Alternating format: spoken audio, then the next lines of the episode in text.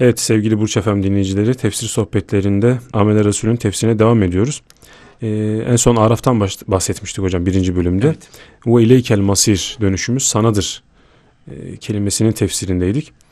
E, Bediüzzaman e, Hazretleri'nin e, ve ileykel masir dönüşümüz sanadır ayetin tefsiri hakkında hocam evet. e, biraz bizi bilgilendirebilir misiniz?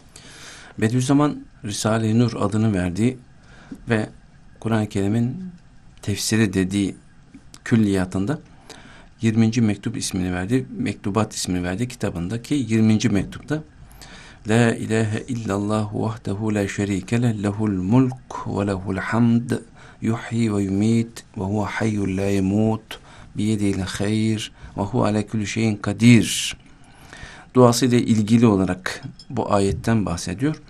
Bu okuduğumuz duanın manası şöyleydi. Genellikle namazlardan önce biz bu duayı okuruz. Dua etmeden önce namazlardan sonra dua etmeden önce bu ayet oku, duayı okuruz. Evet Allah'tan başka ilah yoktur. Sadece o vardır. Onun ortağı yoktur. Mülkü onundur. Her türlü hamd ona mahsustur. Hayatı veren de öldüren de odur. O haydır yani diridir, ölmez. Bütün hayırlar onun elindedir. Onun her şeye gücü yeter ve dönüş onadır. Evet bu dua da ilgili olarak şöyle diyor Bediüzzaman sabah ve akşam namazından sonra tekrarı pek çok fazileti bulunan ve bir sahih rivayette ismi azam yani kendisiyle dua edildiğinde Allah'ın kabul ettiği en büyük ismi mertebesini taşıyan şu duanın 11 kelimesi var diyor.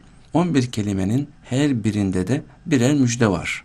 Ve o müjdede birer şifa ve o şifada birer manevi lezzet bulunur bu büyük ve ulvi hakikatlerin izahını yapan bir zaman tefsirini yaptığımız Emenne Resulü'nün birinci ayetinde birinci ayetin sonlarında ve ileykel masir dönüşümüz ancak sanadır ayetiyle aynı manada olan ve ileyhin masir ve dönüş ancak onadır kelimesiyle ilk olarak da şöyle diyor.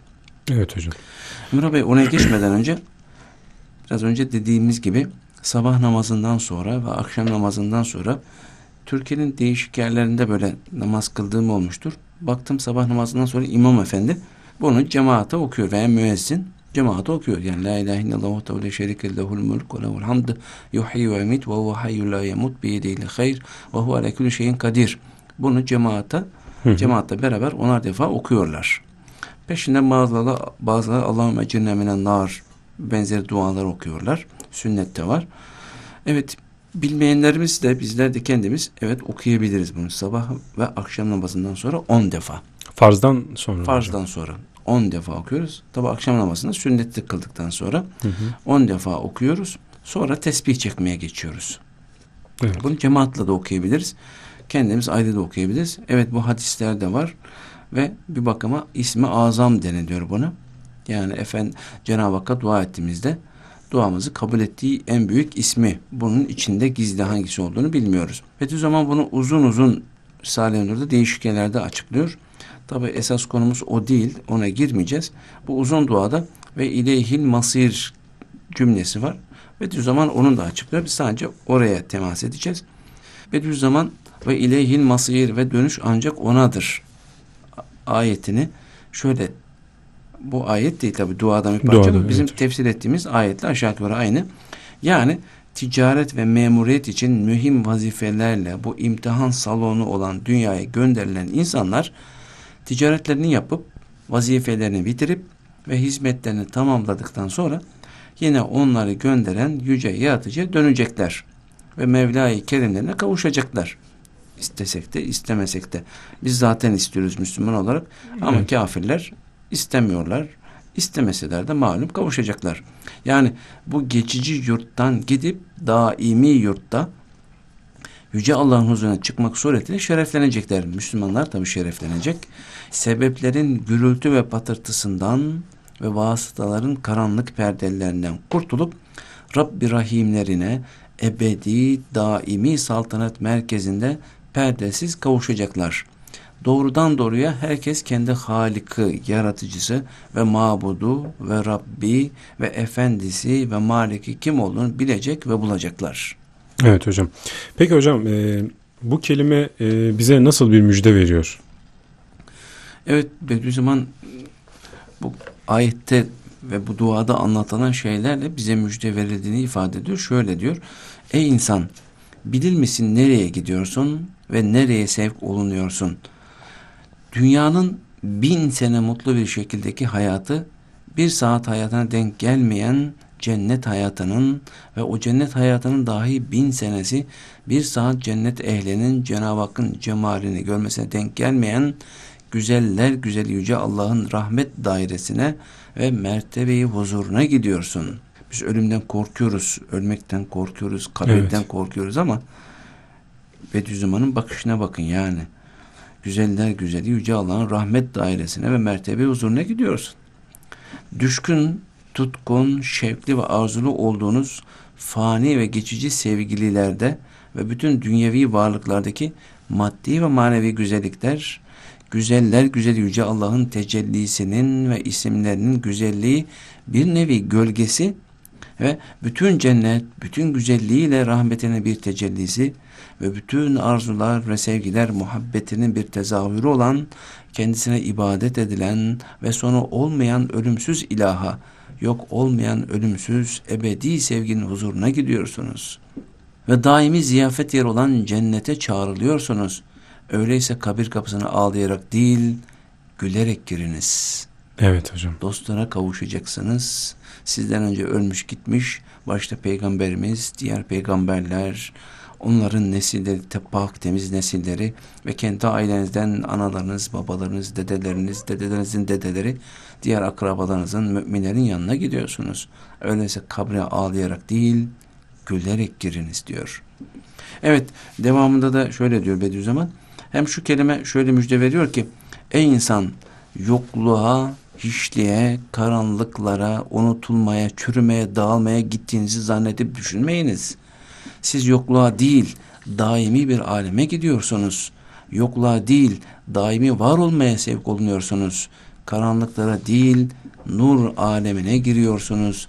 Sahip ve her şeyin gerçek sahibi Hazreti Allah'ın tarafına gidiyorsunuz ve ezeli sultanın saltanatının başlangıcı ve sonu olmayan Hazreti Allah'ın hükümet merkezine dönüyorsunuz. İleyhil masir ve ileyhil masir ayetin tefsirinde Bediüzzaman böyle diyor. Daha geniş malumat için Mektubat isimli esere sevgili dinleyicilerimiz bakabilirler. Evet hocam. Artık hocam 286. E, ayetin tefsirine e, geçebiliriz. Evet zaten Amen Resulü iki ayetten Evet 285. Geliyor. ayeti bu yere kadar Velik Elmasır ile bitirmiş olduk. Bitirmiş olduk. 286. ayetin tefsirine e, başlayalım. Bismillahirrahmanirrahim. La yukellifullahu nefsen illa bus'aha leha ma kesebet ve aleyha mektesebet. Rabbena la tu'ah. Evet Emrah Bey isterseniz ben bu okuduğunuz yerin manasını vereyim siz sonra devam edin. Evet hocam. Allah hiçbir kimseyi güç yetiremeyeceği bir şekilde yükümlü tutmaz.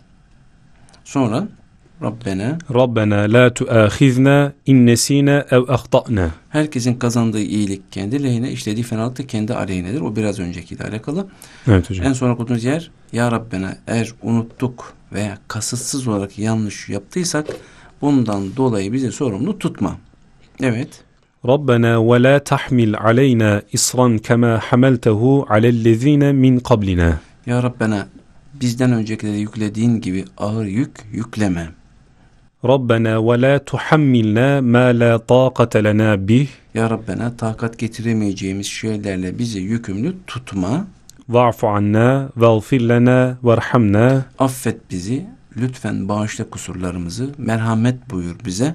Ente mevlana fensurna alel kavmil kafirin. Sensin Mevlamız, yardımcımız. Kafir topluluklara karşı sen yardım eyle bize. Meali böyleydi. Evet hocam.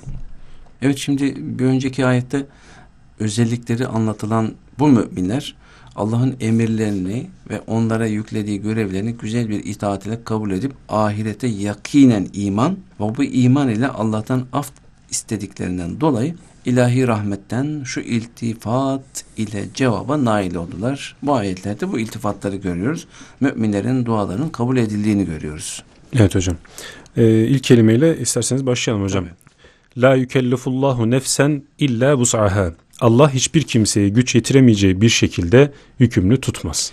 Evet Allah kimseye gücünün yettiğinden başkasını yüklemez. Ama yükleyemez değil Emrah Bey. Yüklemez.